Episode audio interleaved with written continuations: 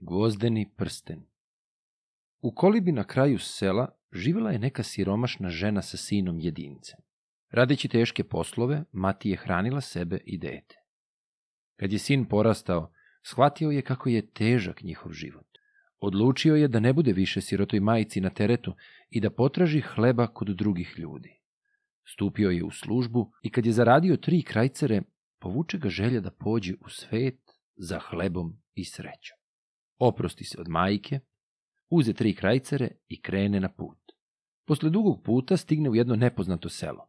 Bio je gladan i već se odlučio da kupi za krajcaru hleba, kad tamo ugleda gomilu mladića kako se bacaju kamenjem na jednog starog jednog psa. Sažali se na životinju, pa priđe mladićima i zamoli ih da ostave psa na miru. Pakosnici su mu se podsmevali i gađali psa kamenjem.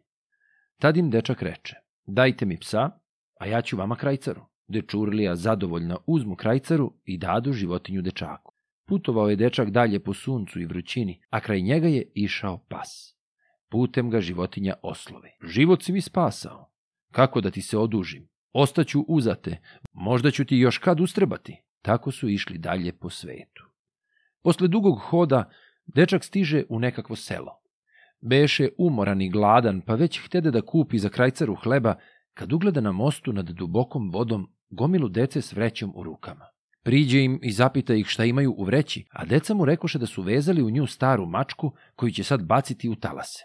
Dečak se sažali na jadnu životinju pa zamoli decu da mu je daju za krajcaru. Deca odvežu vreću i dadu mu mačku te on pođe dalje po svetu. Uz se javi i mačak. Život si mi spasao. Kako da te nagradim? Ostaću uzate. Možda ću ti još ustrebati. Dugo je išao dečak u pratnji psa i mačke, dok nije stigao do zelenog pašnjaka. Tamo ugleda pastira kako zamahuje dugim štapom da ubije zmiju šarku. Šta to radiš? upita dečak pastira. A pastir mu odgovori, ubijam jednu gadnu zmijurinu. I na tu se životinju dečak sažali, te zamoli pastira da mu je da za krajcaru. Onda krenu dalje i zmija mu reče, život si mi spasao, kako da te za to nagradim? Ne mogu ići sa tobom po svetu, jer sam suviše omražena. Zato hajde u grad moga oca, kralja svih zmija. Daću ti gvozdeni prsten i dokle god ga budeš imao, ispunjavaće ti sve što poželiš. Ali upamti dobro šta ću ti sad reći. Kad stignemo do grada, zaustavi se pred ulazom, pa kad ti metnem prsten u ruke, lezi na zemlju. Ta će se moj otac, kralj svih zmija, strašno rasrditi i udariti repom tako da će se zemlja zatresti. Dečak odgovori da je sve razumeo i da će učiniti onako kako ga je zmija savjetovala. Preko pašnjaka stiže dečak u pratnji životinja pod visoku goru. Odatle su se penjali po strmini između grmlja i stenja kako im je zmija pokazivala put. Stigoše na vrh planine, tamo je bila visoka okomita stena i pod njom grad kralja svih zmija. Zmija dovede dečaka do ulaza i reče mu da pričeka, a sama otpuzi u grad pa se posle kratkog vremena vrati i metne mu u ruke gvozdeni prsten. Dečak ga uze, a onda se brzo baci na zemlju. Tako mu je bilo rečeno. Tad zašumi kao vihor i kralj svih zmija udari takvom snagom pred ulazom da se zemlja zatrese. Potom se sve umiri. Dečak ustane i vrati se u dolinu. Odavno ništa ne beše jeo, pa oseti strašnu glad. Sede kraj puta, požele hranu i gle, hrana je već pred njim. Najede se i nahrani životinje, pa onda krene kući da usreći majku. Obradova se majka kad ugleda sina, iako se vratio kao siromah, a dečak joj ništa ne reče. Kad uveče pođoše u postelju i majka zaspi, dečak zažele da na tom mestu bude divna palata sa visokim prozorima i prostranim sobama punim lepog nameštaja i skupocenog posuđa, meke postelje, najlepša odela i najbolje jelo, a oko palate da se prostire prekrasan vrt pun šarenog cveća. Što je dečak zaželeo, to mu se i ispunilo. Kad se mati ujutru probudi, vrlo se začudi. Najzad uđe u sobu svog sina pa ga upita, uplašeno i veselo, kako je moguće da se sve to tako izmenilo. Dečak joj ispriča sve po redu, kako je išao po svetu, šta je doživeo i kako je dobio gvozdeni prsten. Sad su mati i sin živeli srećno i veselo. Uskoro dečak postade mladić koji odluči da se oženi. Reče majici, Idem da potražim devojku i da je dovedem kući pa ćemo još lepše živeti. Mladić ode pravo kralju te zemlje i zamoli ga da mu da kćer za ženu. Kralj se začudi i skoro razljuti što se prost čovek usuđuje prositi ruku njegove kćeri. A pošto je već slušao o mladićevoj sreći i o divnoj palati, pomisli, ipak ga neću oterati.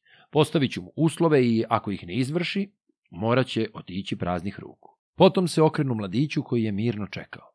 Daću ti kćer za ženu samo ako presadiš u moj vrt najlepšu i najveću jelu što raste u šumi.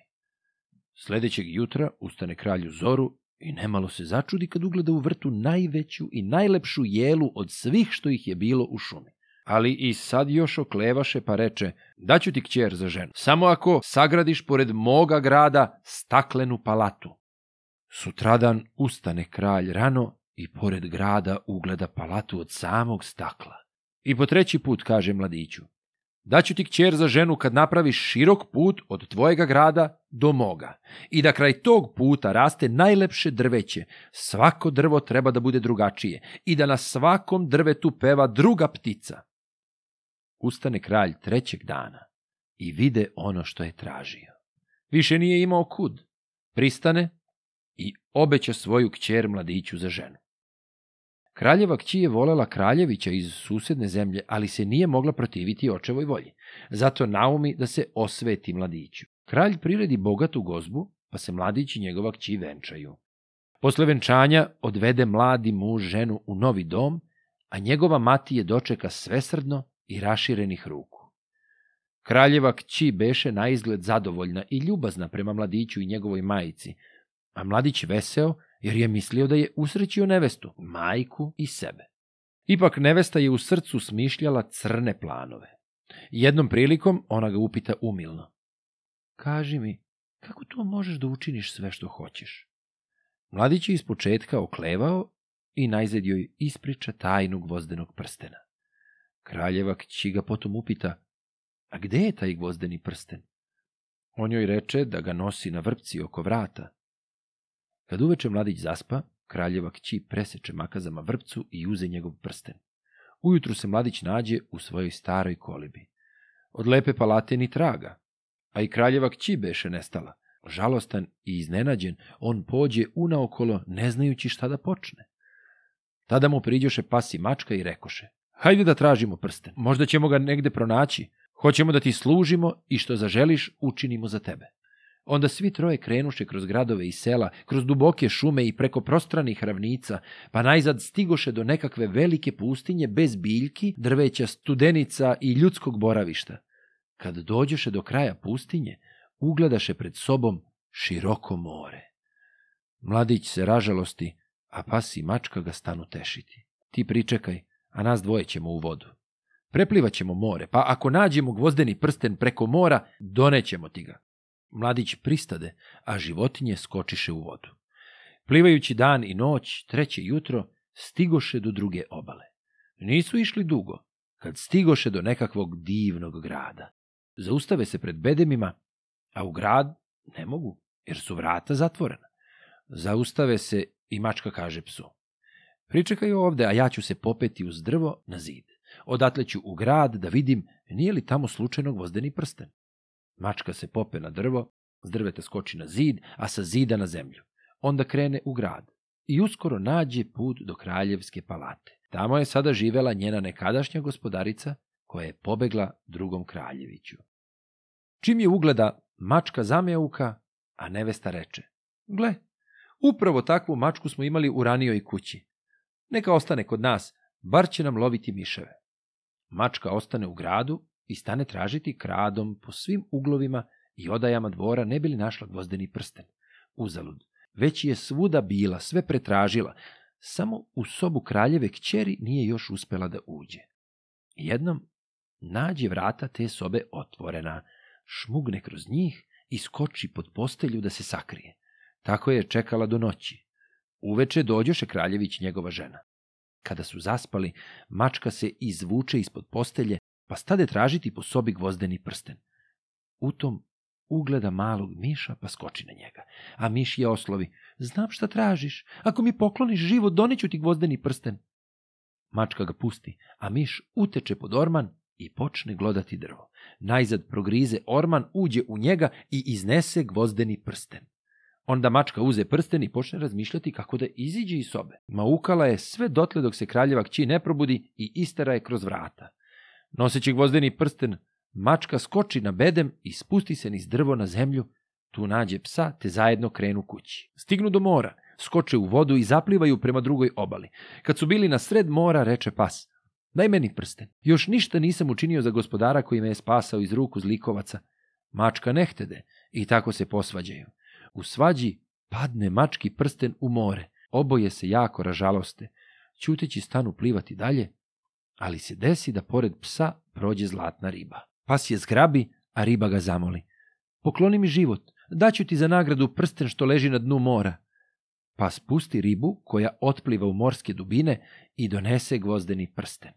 Životinje se opet razvesele i zaplivaju brzo prema drugoj obali. Kad su doplivali, nađu tamo momka koji ih je čekao. Pas mu preda gvozdeni prsten, a mačka ispriča gde i kako ga je našla. Onda se sve troje vrate kući. Mladić ispriča majici da je opet našao gvozdeni prsten koji priveže na vrpcu i obesi ga oko vrata. Potom pomisli, Kraljević i njegova žena neka od sada žive u ovoj bednoj kolibi, a mi ćemo se preseliti u divni grad preko mora. Tako je i bilo.